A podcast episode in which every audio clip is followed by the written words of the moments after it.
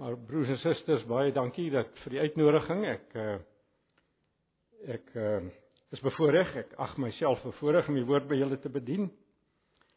Ehm uh, ek vertrou dat die woord vanmôre vir julle sal opbou in die allerheiligste geloof. Ehm um, hierdie woord wat ek vanmôre en volgende week want dit gaan eintlik is is 'n enkele preek wat ek in twee verdeel. Uh in elk geval, julle ken my, ek sê nie sulke goed maklik nie. Maar dit is regtig uh op my hart gewees. Ek het hierdie preke wat ek hier preek baie onlangs ook gepreek en ek herhaal nie sommer so gou-gou weer 'n preek nie. Maar uh ek wil glo dat ek vanmôre vir hierdie gemeente regtig 'n woord het. En ek sonder om voorbarig te wees, sonder om arrogant te wees, sonder om in my hart van harte glo ek regtig is 'n woord vir die gemeente op hierdie stadium van julle bestaan. Maar kom ons bid net saam.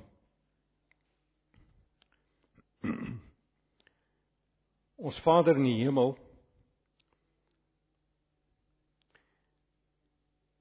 ons is onbeskryflik bevoordeel om u troon van genade te kan nader.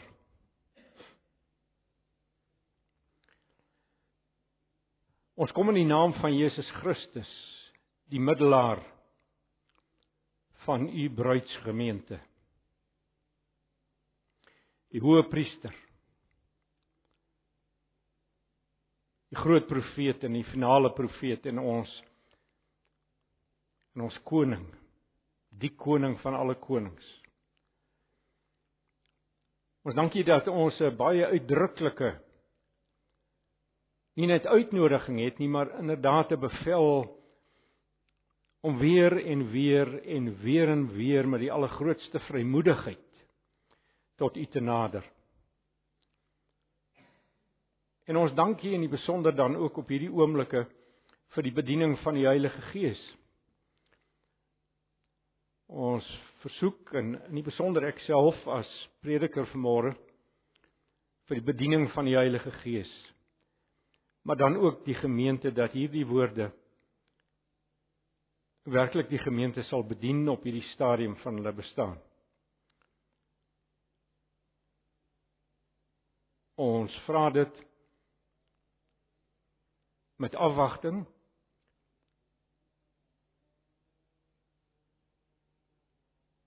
En ons dankie by voorbaat daarvoor.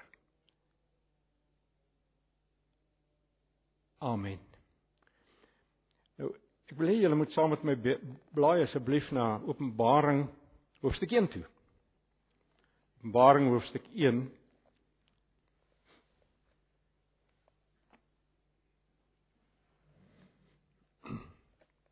vers 9. Ek gaan vir ons lees van vers 9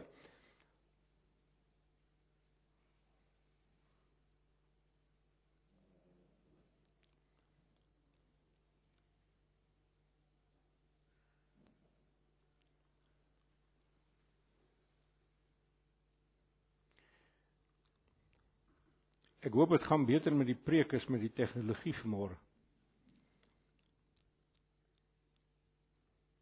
Asse. Die horlosie vir my het vier knoppies en ek kan nooit onthou watter knoppie moet ek wanneer druk nie.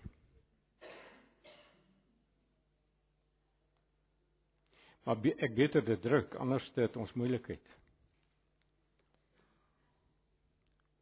Alle wêreld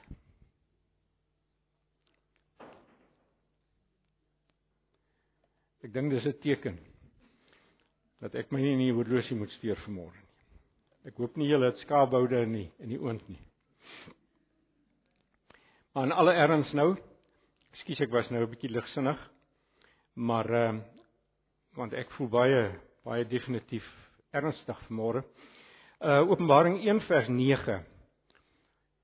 Bekende gedeelte, ek Johannes julle broer en 'n deelgenoot in die verdrukking en in die koninkryk en in die volharding in ons verhouding met Jesus was op die eiland Patmos op grond van die woord van God, naamlik die getuienis deur Jesus Christus. Op die dag van die Here het die Gees vir my besit geneem en ek het agter my 'n harde stem soos die van 'n basuin gehoor wat sê skryf wat jy sien in 'n boekrol op stuur dit aan die sewe gemeentes na Efese en Smyrna, Pergamum, Thyatira, Sardes, Philadelphia en Laodicea. Ek het omgedraai om te sien wie se stem dit is wat met my praat. En toe ek omdraai, het ek sewe goue kandelare gesien. En hy het gesien iemand net soos die seun van die mens. En hy, dis die seun van die mens, het 'n kleed wat tot die voete hang gedra met goue band wat om sy bors vasgebind is. Sy kop en hare was so wit soos wit wol, soos sneeu en sy oë soos 'n vlammende vuur. Sy voete was net soos gloeiende koper in 'n rooi warm oond en sy stem soos die gedruis van baie waterstrome. In sy regterhand het hy sewe sterre gehou. En uit sy mond het daar 'n skerp swaard met twee snykante gekom en sy gesig was soos die son wat in al sy felheid skyn. En toe kom sien dat ek voor sy voete neergeval soos 'n dooie maar hy het sy regterhand op my gelê en gesê hou op om bang te wees. Ek is die eerste en die laaste en die lewende. Ek was dood, maar kyk, ek leef vir ewig en ewig. En ook hou ek die sleutels van die dood en van die Hades. Skryf dan op wat jy gesien het wat daar is en wat hierna gaan gebeur. Dis die misterie van die sewe sterre wat jy in my regterhand gesien het en van die sewe goue kandelare. Die sewe sterre is die sewe boodskappers van die sewe gemeentes en die sewe kandelare is die sewe gemeentes.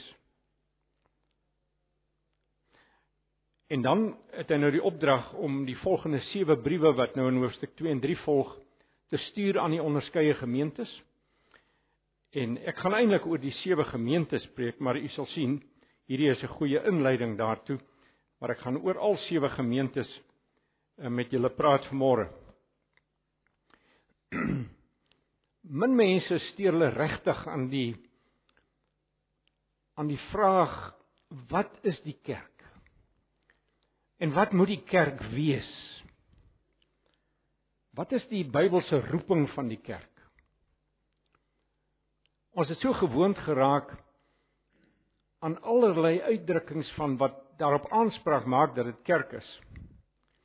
Dat 'n mens neig om ontnigter te raak is asof jy op 'n punt kom waar jy genoeg gehad het daarvan.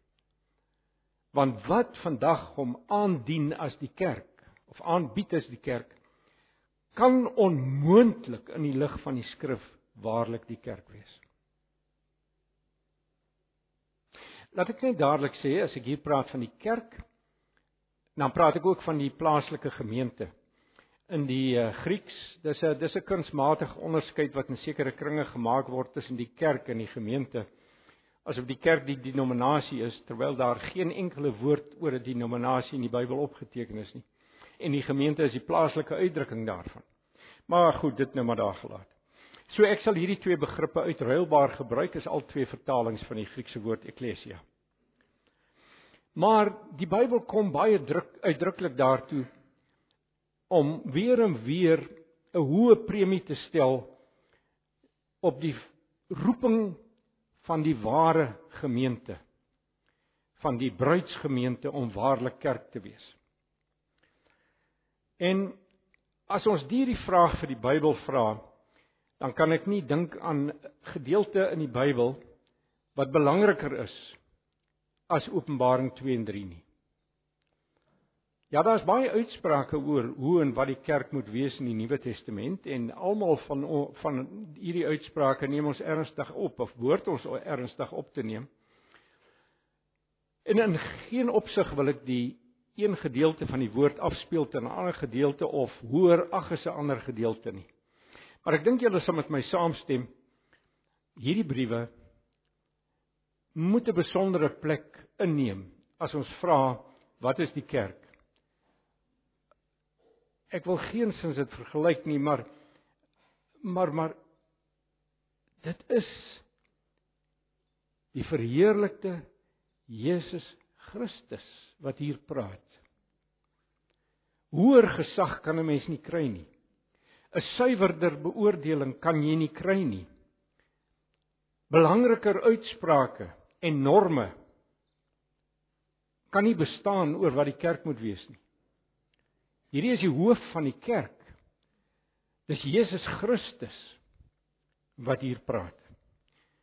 Met ander woorde, Openbaring 2 en 3 is belangrik belangrik baie belangrik as ons wil vra wat moet die kerk werklik wees. Nou is dit so dat Antipas op hierdie stadium ek dink jy die meeste van julle besef dit, maar inderdaad op die snykant van 'n mes is. En wat in die volgende maande sal gebeur in hierdie gemeente gaan 'n geweldige rol speel in die toekoms van hierdie gemeente.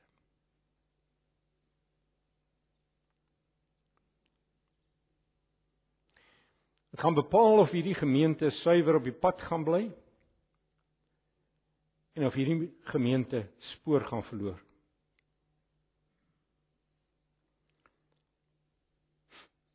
Nou ek normaalweg kyk 'n mens na hierdie sewe briewe individueel en dit hier, hier sit preekstof in vir weke. Maar ek wil vanmôre 'n ander benadering volg. Jy sit ook waarde in as 'n mens kyk na hierdie sewe briewe en die kommentaar oor hierdie gemeentes gesamentlik. Nou wil ek dadelik sê die van julle wat lank al lidmaat is van hierdie gemeente sal weet ek het al hieroor gepreek jare gelede, maar dit was in die besonder soos ek net nou gesê het op my hart om dit weer vanmôre te herhaal hier in die wat gehoor oor grootte meerderheid van julle het nie gehoor nie. En die wat dit wel gehoor het, het dit vergeet. Tensy julle uitsonderlike voorbeelde van die menslike ras is. Ehm um, As ons nou hierdie sewe gemeentes as 'n een eenheid kyk.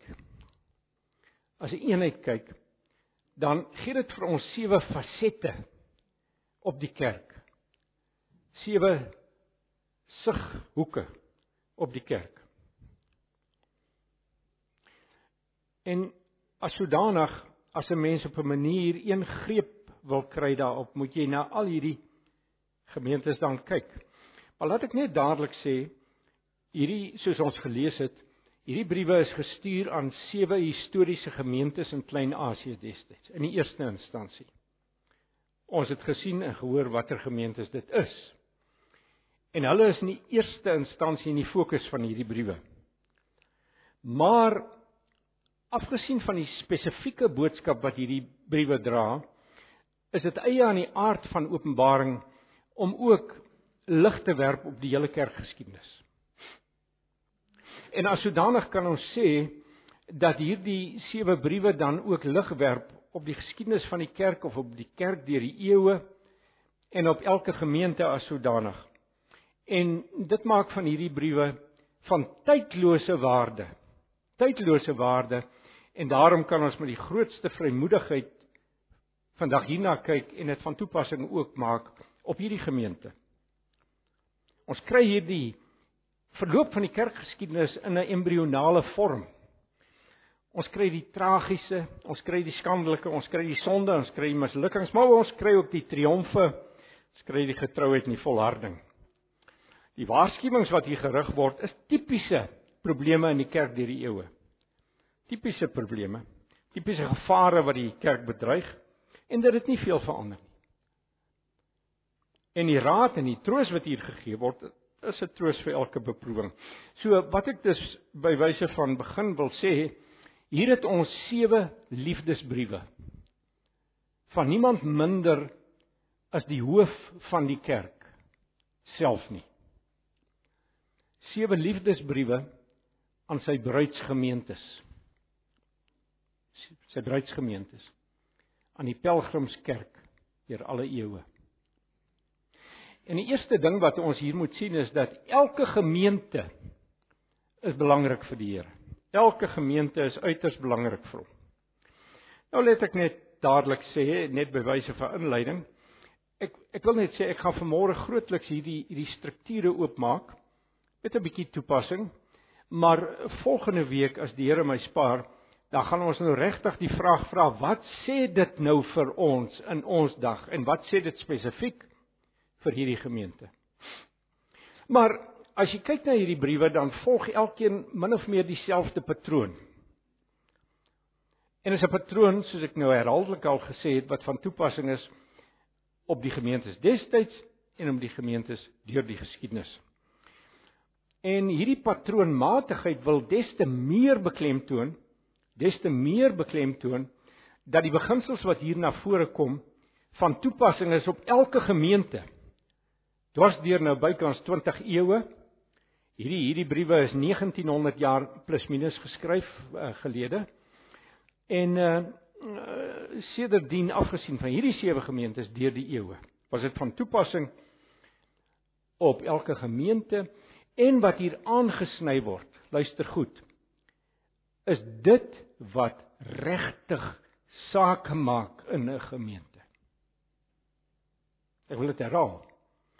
Dit wat hier aangespreek word, is dit wat regtig saak maak in 'n gemeente. Hierdie is nie sekondêre sake nie. Nie sekondêre sake nie. Daar is so iets so sekondêre sake in die Christelike lewe wat nie 'n kwessie van vrye keuse is en wat kultureel tot uitdrukking kom verskillend. Hier sit sendlinge hierso en ek weet hulle sal baie bewus wees daarvan dat elke gemeente het 'n eie kom ons sê kulturele karakter. Maar hierdie beginsels is van toepassing op elke gemeente dwars deur die wêreld, dwars deur die eeue en as sodanig ook van toepassing op Antipas.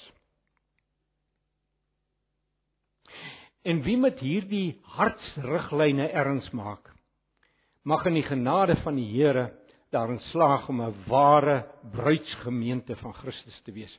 Wie hierdie beginsels wat hier na vore kom verwaarloos, loop die gevaar trouens onvermydelik die gevaar om 'n vals gemeente te word. Ja. Maar goed, so ons kry dus hier die openbaring van die Here Jesus Christus, die hoof van die kerk oor wat nommer 1 werklik noodsaaklik is vir ware kerk wees. Tweedens ons kry hierdie openbaring wat hy verag en wat hy veroordeel in 'n gemeente. En ons kry derdens bewyse van sweye dit wat nie regtig vir hom saak maak nie. Trouwens en per implikasie ook dinge wat hy verag in gemeente. Ek sal meer daaroor sê net nou. Daar is wel mindere verskille tussen hierdie sewe briewe. Ehm uh, al sewe en elkeen van die sewe tipeer die Here Jesus Christus homself aan die hand van een of ander beeld wat ons vroeër in hoofstuk 1 kry. Oor homself. So dis verskillende beelde wat ook weer die eenheid gee hierdie is die allerhoogste persoon met 'n hoofletter wat met julle praat. En hy's veel fasettig in sy heerlikheid en dan elke een word elke gemeente word herinner aan een van hierdie fasette. Gaan oor sy persoonlikheid, sy karakter, sy werk. 'n Tweede opmerking hieroor.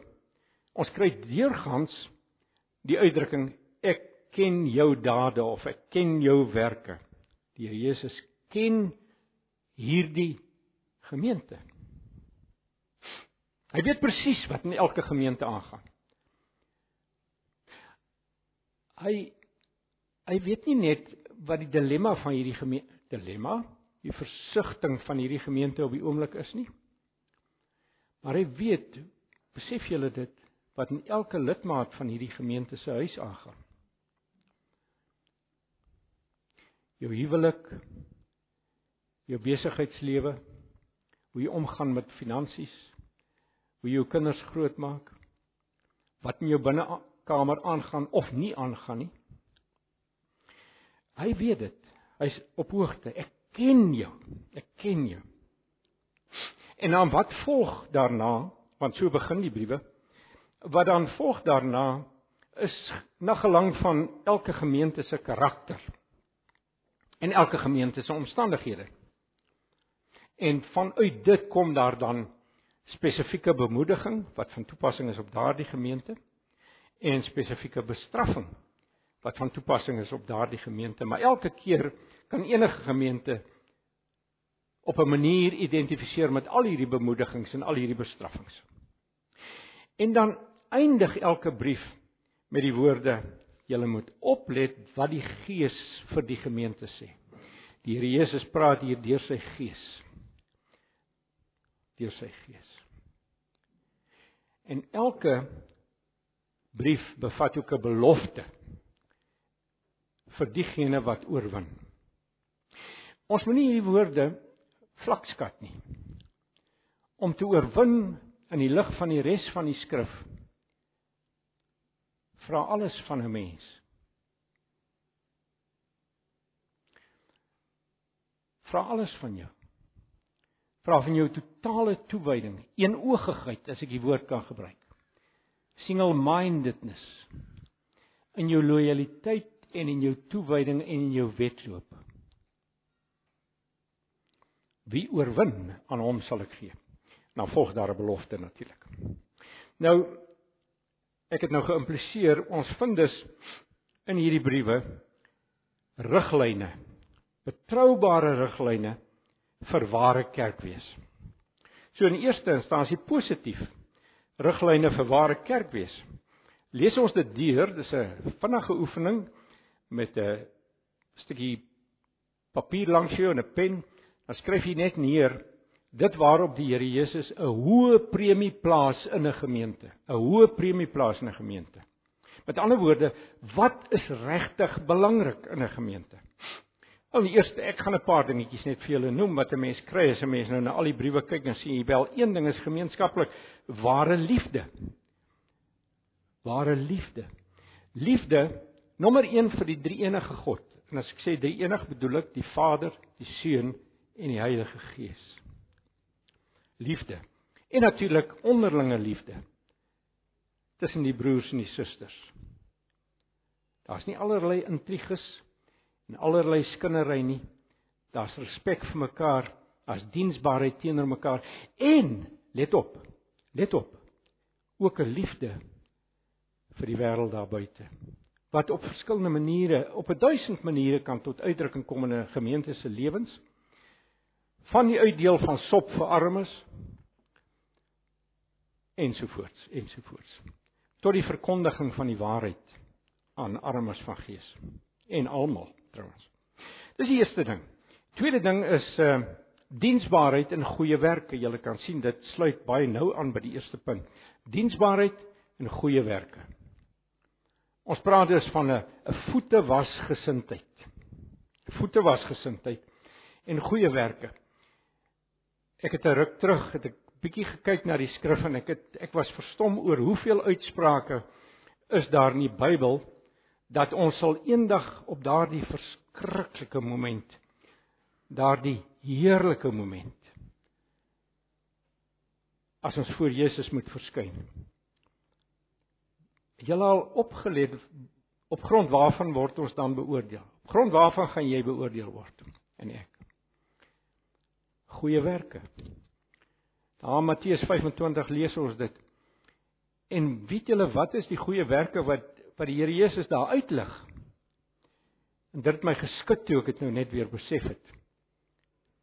Ek was honger. Ek was dors. Ek was en dan noem hy 'n hele paar forme van nood en ons respons op dit wat ons rondom ons teëgekom het. Of dit nou binne die liggaam van Christus is of dit buite die liggaam van Christus. Ek dink daar is 'n besondere aksent op uh, in Matteus 25 op die diegene binne die liggaam. Maar goed, ek was honger en ek was dors. En die vroeë kerke dit nie net die kerk in die Nuwe Testament maar van die eerste eeue, die eerste 3 eeue het dit geweldig ernstig opgeneem. Sodat niemand in daardie gemeente te veel gehad het nie en niemand in daardie gemeente het te min gehad nie. Dis goeie werke, dis diensbaarheid, dis naaste liefde. Dis die tweede ding dis. Die derde ding is geloof en geduld en volharding in 'n vyandige gesinde wêreld. Geloof, geduld en volharding in 'n vyandige Ware Christene is per definisie mense wat stroom oploop in hierdie wêreld. Teen die waardes en die sentimente en die hartstogte en die begeerlikhede van hierdie wêreld in. Per definisie is 'n Christen wat gered is iemand wat stroom oploop. Dis hoekom die Bybel sê volharding is nodig. Sonder volharding sal niemand gered word nie. 'n 'n volgende punt is leersuiwerheid, die waarheid. Die waarheid en daarmee gepaardgaande die verwerping van vals leraars. Ek is oortuig daarvan toenemend in my eie lewe dat ek nie te skuldig moet wees as ek teen ander in aanhalingstekens Christene bid nie wat in werklikheid nie net leenaars is nie, maar misleiers is. En ons land is vol van hulle. Hierdie hierdie Sondagoggend staan daar op talle kansels in hierdie in hierdie land van ons sulke predikers. Hulle sê vir my, "Waar is jou liefde?" Ek het die Here God en sy waarheid meer lief as sulke Ek het môre hieroor gebid vroeg, vanmôre hieroor gebid. En ek vertel vir Sonja in die kar toe ons hiernatoe ry. Wiele wat 'n troos het ek vanmôre gekry want ek het ek het gevoel, Here, durf ek so bid? Is asof ek het werklik in die gees gebid durf ek so bid? En en toe word ek herinner of toe onthou ek, kom ek stel dit, ek wil nie te super spiritual klink nie. Maar toe onthou ek skielik Jesus wat die tafels in die tempel geomgooi het. En dit was my 'n wonderlike woord van bevryding. Jesus het dit ervaar. Hy het geen geduld gehad met misleiding nie. Hy het geen geduld gehad met vals leraars nie en ook nie die apostels nie ook nie die apostels nie. 'n Volgende opmerking gee vind in hierdie briewe 'n haat wat uitgespreek word oor sonde. En 'n oproep tot die gemeente, julle moet sonde haat. Nie net korporatief nie, maar ook as individue. Laat ons die sonde in ons vlees waarmee ons elke dag stroei en stoei en helaas nie altyd ewe suksesvol stoei. Laat ons dit haat, broers en susters. Heiligmaking is nie kinderspeletjies nie. Heilig sonder heiligmaking sal niemand God sien nie. Ons moet hierdie woorde ernstig opneem. En dan 'n volgende opmerking is oor suiwerheid van die gemeente. En as ons dit nou mooi vol verstaan, moet ons sien dit word in dieselfde asem genoem as dissipline en tug dissipline en tug. As daar een ding is waarmee die Here Jesus geen geen geduld het nie, is dit dwaalleer. Jy gaan lees die raai briewe. En dan laastens wil ek sê, stel hy 'n groot premie op die uitdra van die evangelie. Weereens op 'n duisend maniere. As soos ek na julle kyk, ek ken van julle, weet ek party is so besig en ander so besig en so besig. En ek vertrou ek is so besig. Maar maar die punt is op 'n manier moet die waarheidsevangelie deur woord en deur daad uitgedra word. So dit is waaroor gemeente wees gaan hierdie klompie punte wat ek genoem het. Dit is die prioriteite van 'n gemeente. Dis waarop daar ge skoon die uitdrukking gemajor moet word. Dis waarop daar gefokus moet word. En dit gaan hieroor ononderhandelbaar as prioriteite vir die Here Jesus Christus. En dit is ongeag jou tyd of jou kultuur of jou omstandighede. Goed, dit bring my by die tweede ding. As 'n mens nou deur hierdie briewe lees en jy met 'n stukkie papier stip jy aan wat die Here Jesus verag in 'n gemeente wat hy nie wil sien in 'n gemeente nie. Hy verag dit. En hy veroordeel dit. En per implikasie, dit is dinge waarteen 'n gemeente moet waak. Eerste ding is liefdeloosheid. Liefdeloosheid. As daar kwaadsprekers is in 'n gemeente, geen kwaadsprekers sal die koninkryk van God ingaan nie. Skindertonge sal nie die koninkryk ingaan nie. Mense wat altyd gedurig betrokke is by intrige, verhoudingsintriges. Dis kwaadsprekers. Liefdeloosheid vir die Here God om hom lief te hê is die essensie van die Christelike lewe. Dis ons hoogste roeping. Gaan lees weer Johannes 17 vers 3. Dit is die ewige lewe dat hulle U ken en die woord ken daar kan ook vertaal word met beken bedoelende daarmee dat hulle gemeenskap met U sal hê my Vader. En natuurlik liefde vir die naaste. Watter een van hierdie twee gebooie is die grootste? Eh, al wat ons kan sê die eerste een is eerste en die ander is die tweede maar wat daarin gelyk is. Liefde en liefdeloosheid is in 'n sekere sin die teenpool nou van wat ek nou die vorige lys wat ek gemaak het. Dwaalleer en verkondigers. Dit haat die Here, hy verag dit. Slap dissipline, met ander woorde die afwesigheid van tug in 'n gemeente. Uh, dat dat uh, sondaars en dwaalleraars en, en mense wie se lewens net eenvoudig nie beantwoord aan die standaarde wat die woord vir ons stel nie. Dat sulke gemeente, sulke mense gedissiplineer moet word. En daarmee saam word genoem die belangrikheid van dissipline en tug. Dis hoekom die ou reformatoriese vaders die insig gehad het om te sê een van die merktekens van die ware kerk is die dissipline en die tug in 'n gemeente.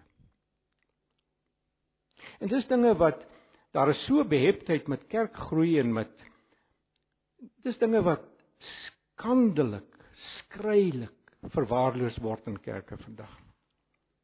En dan laastens, teenpool van wat ek net nou gesê die uitdra van die evangelie verkondiging of of die versuim daarvan en dan uh vorm godsdiens, nog 'n ding.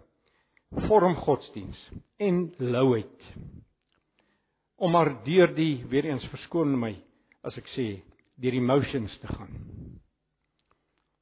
Die vasgelegde liturgie.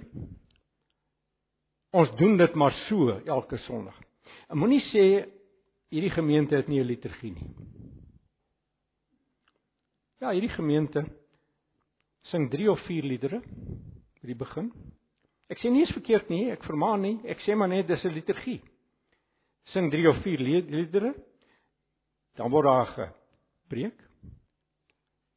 Vooraf gegaan deur 'n gebed, afgesluit met 'n gebed en julle hoor wat ek sê. So dis onvermydelik in die lewe. Ons is sulke mense. Dis nie is nie verkeerd Ek het ook nie ek is nie gekant teen selfs 'n meer formele liturgie nie as sodan. Die probleem is egter die probleem is egter jy raak so gewoond daaraan dat dit nie meer vir jou betekenis dra.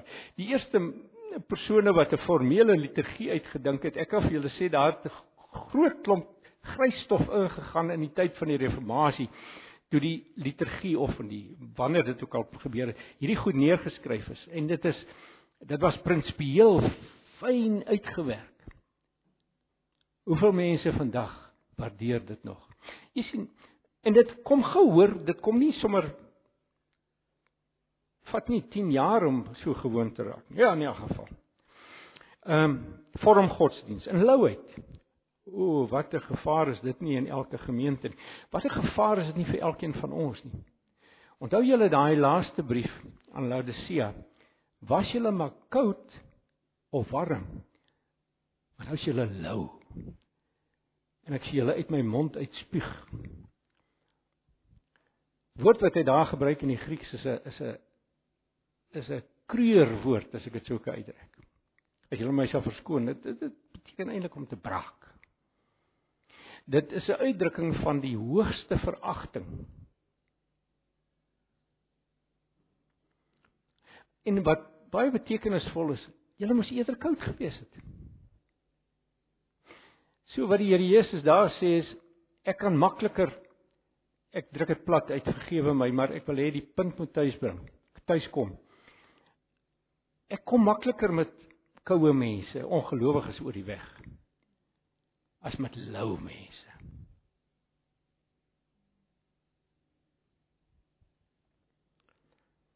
En dan 'n gearriveerdheid en 'n selfsevredenheid. Gearriveerd en selftevrede.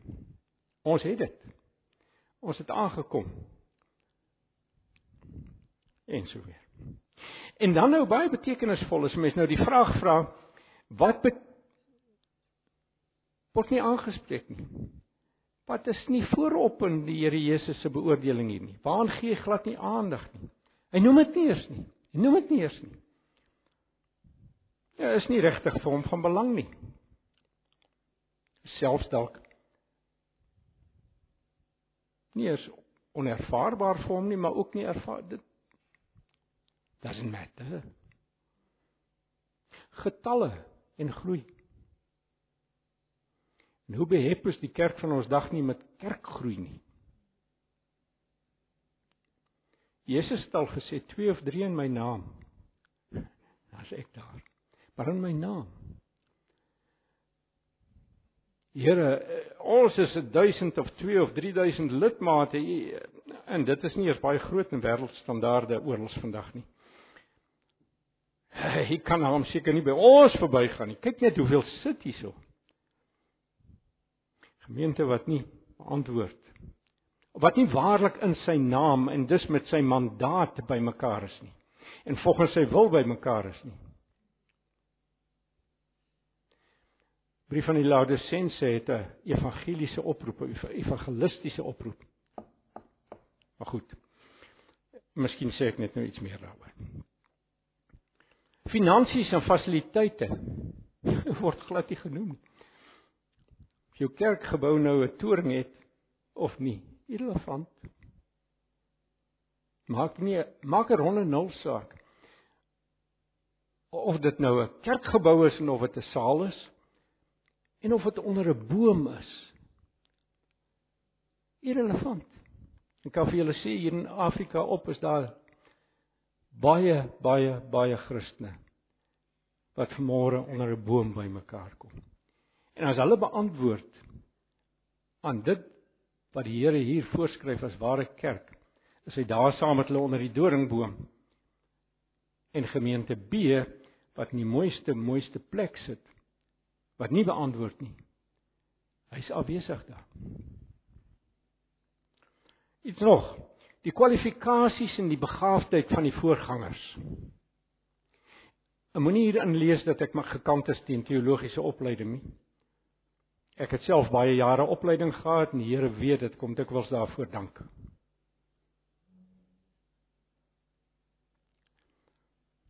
Maar maar uiteindelik speel dit tweede viool.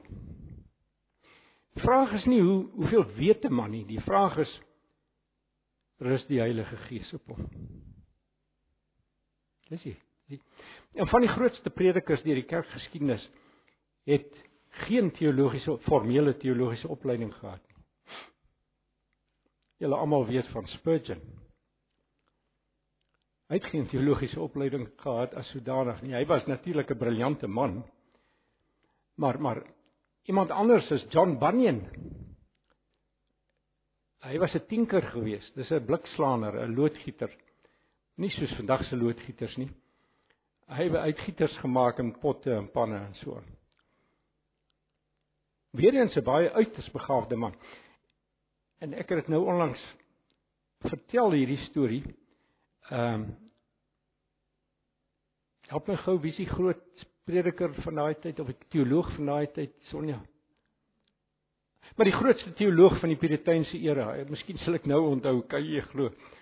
Maar ehm uh, hy het gesê en hy was regtig die uitstaande uitstaande teoloog van die Puriteinse era. John Owen natuurlik. Wie het nou dit gesê? Boekprys vir jou hoor. uh John Owen het gesê ek sal al my geleerdheid opoffer as ek maar kon preek soos John Bunyan.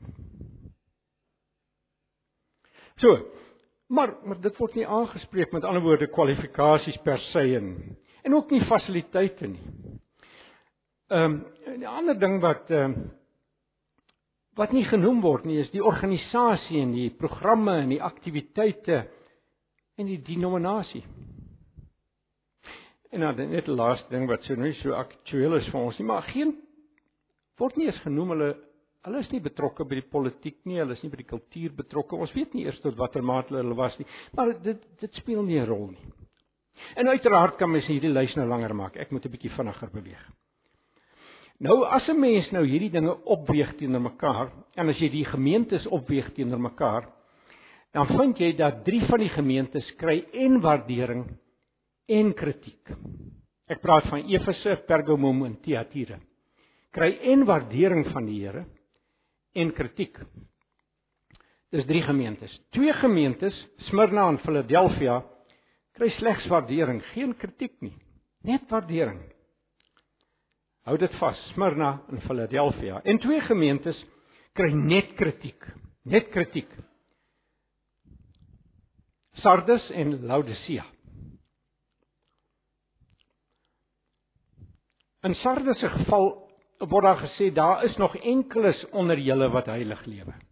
Daar's nog enkeles onder julle. Kyk 'n mens na die brief van die Laodicense in hoofstuk 3 vers 20 byvoorbeeld. Hulle is so ver heen dat dit te betwyfel is of daar nog enigsins mense is wat heilig leef in daardie gemeente. En nou is dit betekenisvol dat in hierdie gemeente kom daardie uitnodiging. Die evangelistiese uitnodiging in vers 20. Julle ken almal, hy is so bekend daardie uitnodiging. Ek gaan hom eers aanhaal nie. En interessant, hy word gerig tot individue. Word nie aan die hele gemeente gerig nie. Gerig tot individue.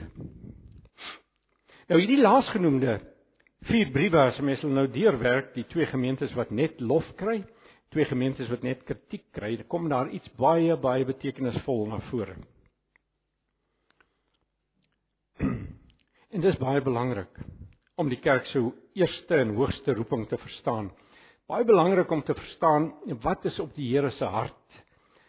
Wat wat sy eer dien. As twee gemeentes soos ek gesê het wat slegs waardering kry.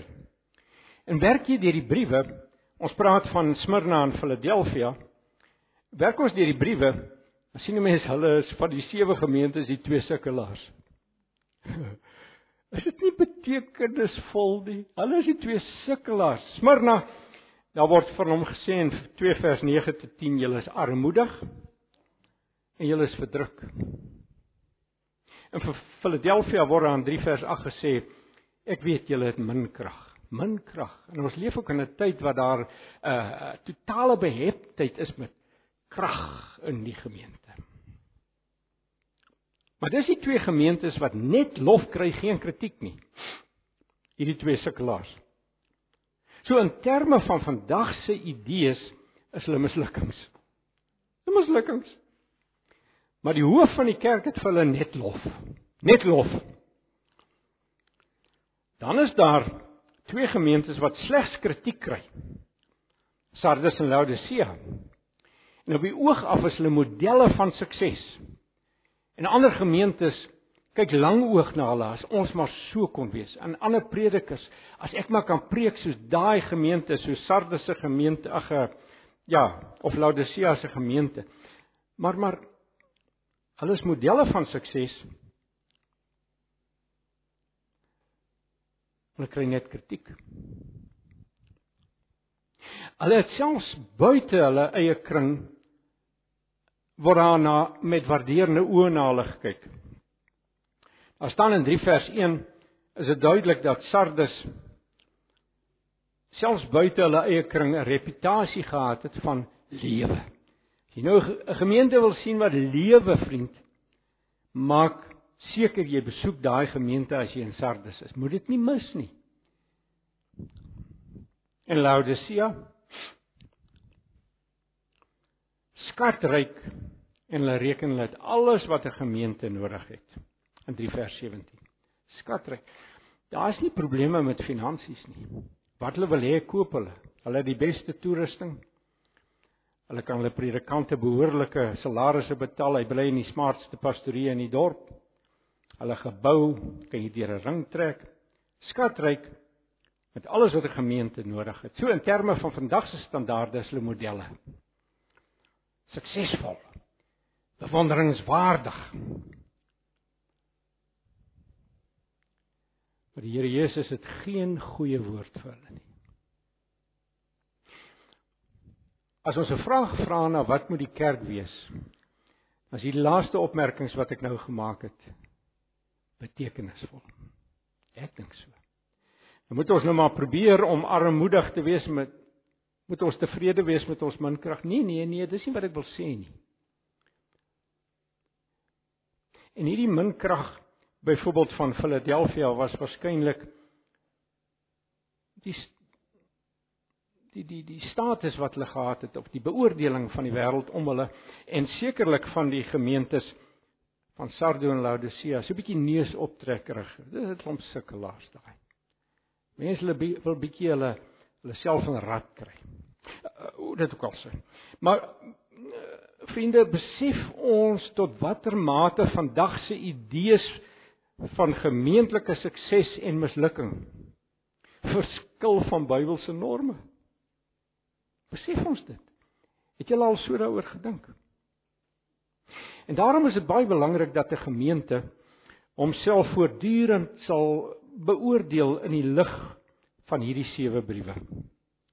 In die proses sal die mislukkings in aanhalingstekens dalk baie bemoedig word en in die proses sal die suksesse dalk geskit word tot hulle fondamente. Gestel Antipas sou vandag so 'n brief kry. Dis hipoteties. Uh, want die Here stuur nie meer sulke briewe uit nie. Hy wil hê ons moet onsself in hierdie sewe briewe speel. Maar hipoteties nou. Gestel die Here sou so 'n brief vir hierdie gemeente vandag stuur. Wat dink julle gaan aan staan? Ek weet nie. Ek wil myself aanmatig nie. Vra julleself dit net af. En dit lyk dus vir my die ouderlinge van 'n gemeente en ook gemeentevergaderings moet van tyd tot tyd hierdie norme aanlê op hulle self. En sê broers en susters, beantwoord ons nog aan hierdie norme. Ek wil amper so ver gaan om te sê dit behoort 'n staande punt op die gemeentevergadering se agenda te wees. En nou moet ons versigtig wees om nie te vinnig oor onsself uh tot 'n opinie te kom nie. Uh, dis baie duidelik dat 'n mens maklik die bal mislaan. Uh, Sardes het by buitestanders uh die status gehad hulle lewe. Maar in 3 vers 1 sê die Here Jesus, hulle is dood. Hulle is dood. Laodicea het hulle self op die skouer geklop. Ons is van al hierdie gemeentes die suksesvolste. Maar die Here Jesus het net vernietigende kritiek op hulle. In die vers 17 sê hy: "Julle weet nie dat julle ellendig en bejammeringswaardig en brandarm blind en naak is nie. 3 vers 17 gaan lees dit. Dit wys vir ons hoe maklik dit vir 'n gemeente is om homself verkeerd te beoordeel. Trouwens daar is 'n geneigtheid in ons as mense en daarom ook as in ons as gemeentes om onsself met selfbedrog te mislei. Daarom is dit so noodsaaklik want hierdie beginsel geld ook vir elke individuele gelowige. Here sê net maar as ek Here ek preek al vir 40 jaar die evangelie. En vir die afgelope 35 jaar is ek gereformeerd. Vir die afgelope nie 35 30 jaar, 1 32 jaar. Is ek God gesentreerd, en Bybel gefundeerd, en Christus gefokus.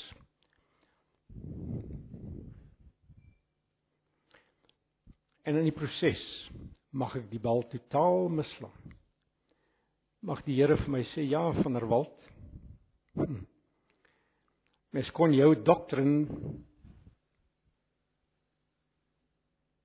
nooit fouteer nie. Maar wat van hier? hiervan hoe het jou gebedslewe gelyk? Het jou liefde vir jou broers en susters gelyk? Of was jou getrouheid in jou pastorale roeping? Was jy getrou in jou wedloop? Hoe was jou verhouding met jou vrou?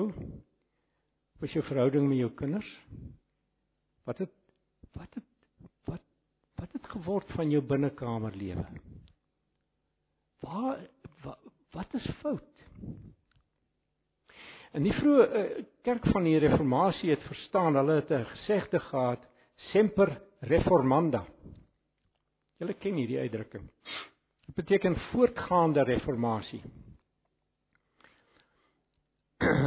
En nou gemeentes of kerkverbande eh, en gemeentes baie geneig baie lief daarvoor om hulle self gereformeerd te noem. Ek spel dit met 'n klein lettertjie. Ek, ek skiet nie op die doppers nie, moenie my verkeerd verstaan nie. Of wie ook al nie. Jy kan dit op die drie susterskerke al drie van toepassing maak, nie? Maar ek skiet nie op 'n spesifieke kerk nie. Ons is almal nie Miskien jouself baie maklik gereformeerd noem.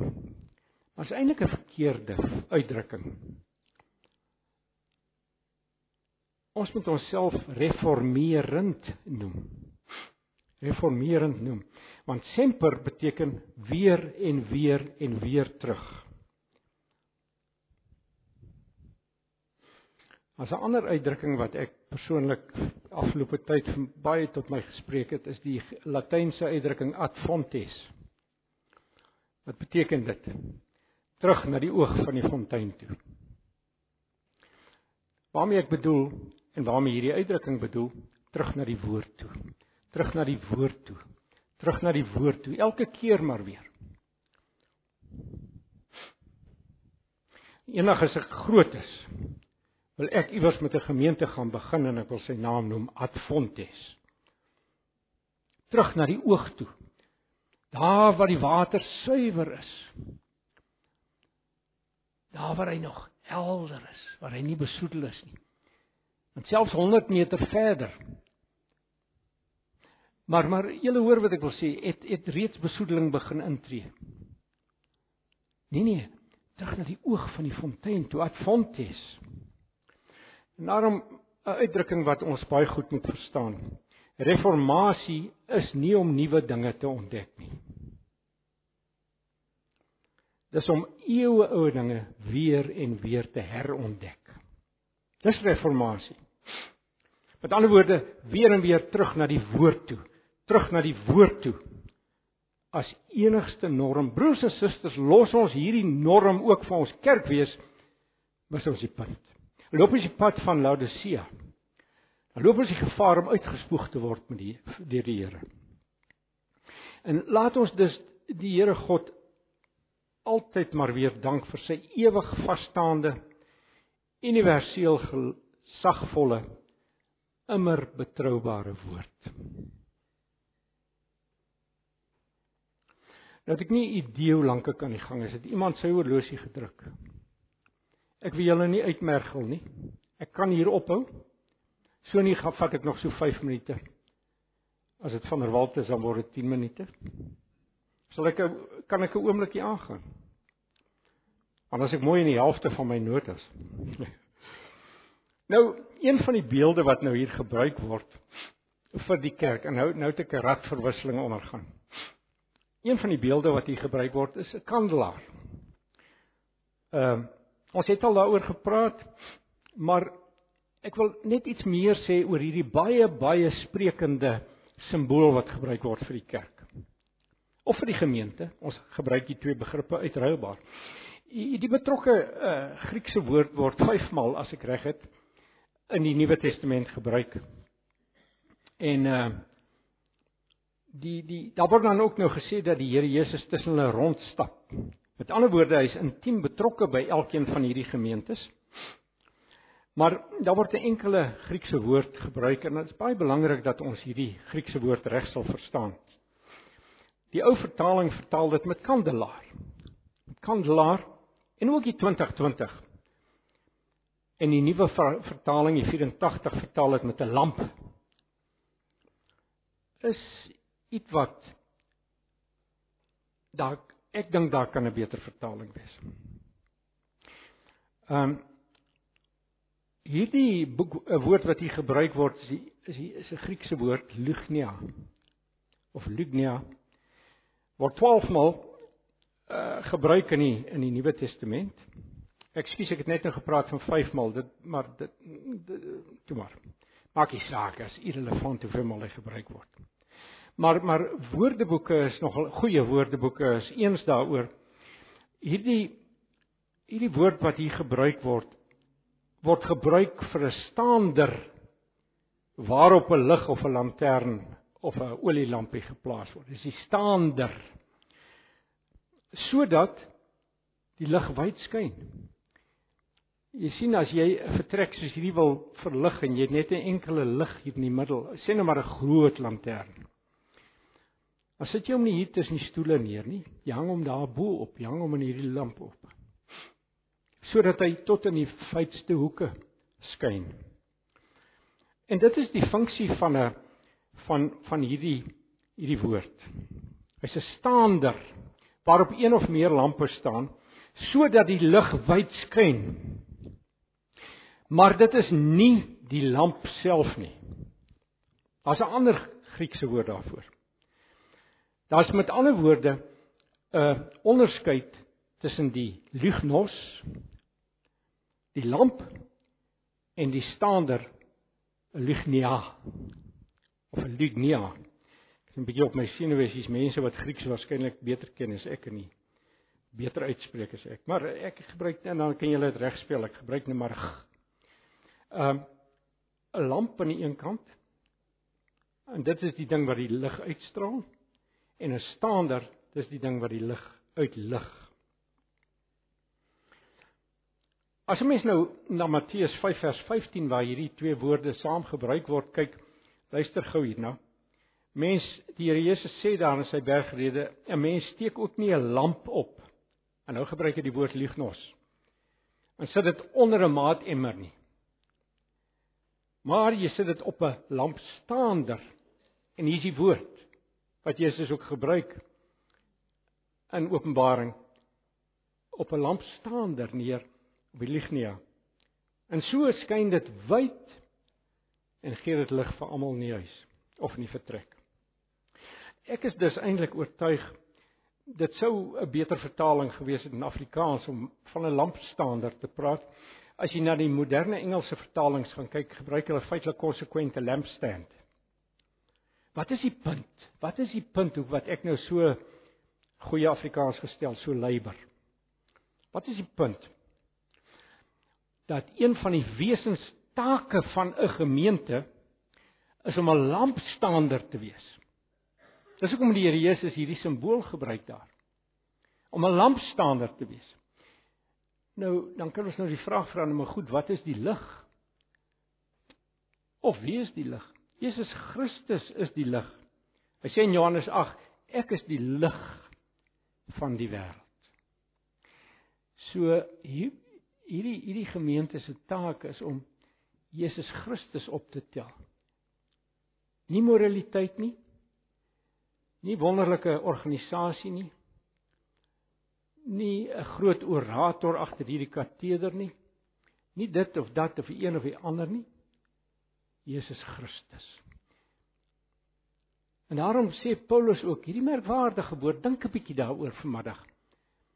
Hy sê daar in uh in 1 Korintiërs 2 vers 2 hy wil niks anders hy wou niks anders onder die Korintiërs wees nie as Jesus Christus die gekruisigde ek wou hom verkondig niks anders nie hy het nie met slim praatjies gekom nie hy het nie met filosofie gekom nie aan Korinte sou hy baie gewild gewees het as hy sy fenominale intellek gebruik het om filosofies die Griekse filosowe te ondermyn.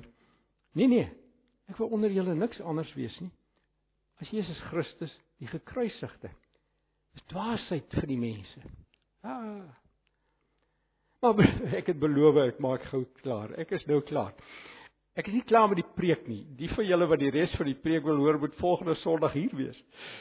Maar uh, ek ek durf nie langer aangaan nie anders te sê julle weer soos ek weet sommige van julle skinder daai van der Walt kry nooit klaar nie. Ek sou kon aangaan maar eh, ag mag die Here julle seën. Ek dink ons het genoeg stof om tot nadenke in hierdie week wat voorlê, in die res van die dag ten minste. Ons het genoeg stof om te bespreek met mekaar, mans en vrouens met mekaar, ouers en kinders met mekaar.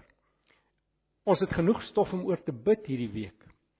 Want broers en susters, hierdie gemeente staan op 'n waterskeiding.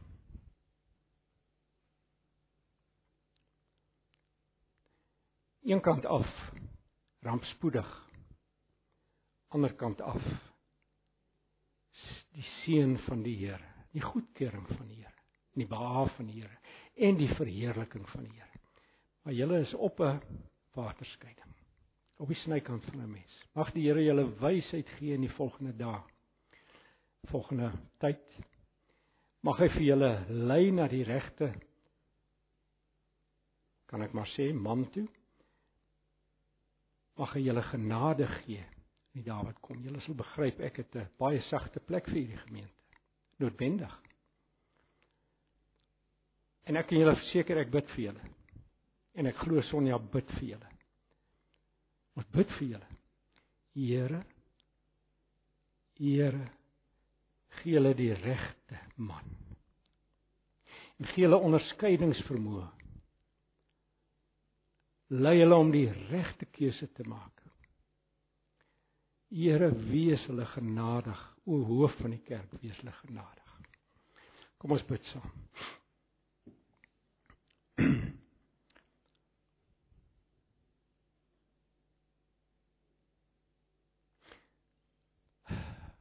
Here Jesus ons kom deur U na die Vader toe. En ons vra U Vader wees hierdie gemeente genadig. En gee vir hulle die man na U hart. Bewaar hulle van 'n Saul gee vir hulle Dawid. Bewaar hulle van een van die 10 verspieders. Gee vir hulle een van die 2 wat getrou was nie. Laat u naam geheilig word in hierdie gemeente. Laat hierdie gemeente instrumenteel wees in die verheerliking van u naam nie net in Suid in in in Pretoria nie, maar in die res van Suid-Afrika. Vader, ons bid nie in die eerste instansie vir gemeente groei nie. Bid nie in die eerste instansie vir getalle nie, vir gewildheid nie. Ons bid vir u goedkeuring. U goedkeurende beoordeling van hierdie gemeente ook op hulle pad vorentoe. Ons bid nou om die liefde van God ons se Vader, liefde van God die Seun, die liefde van die Heilige Gees en die genade van die Drie-enige God.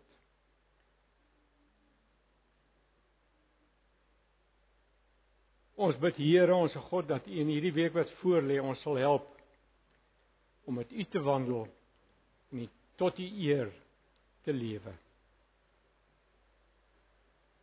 Amen. Amen.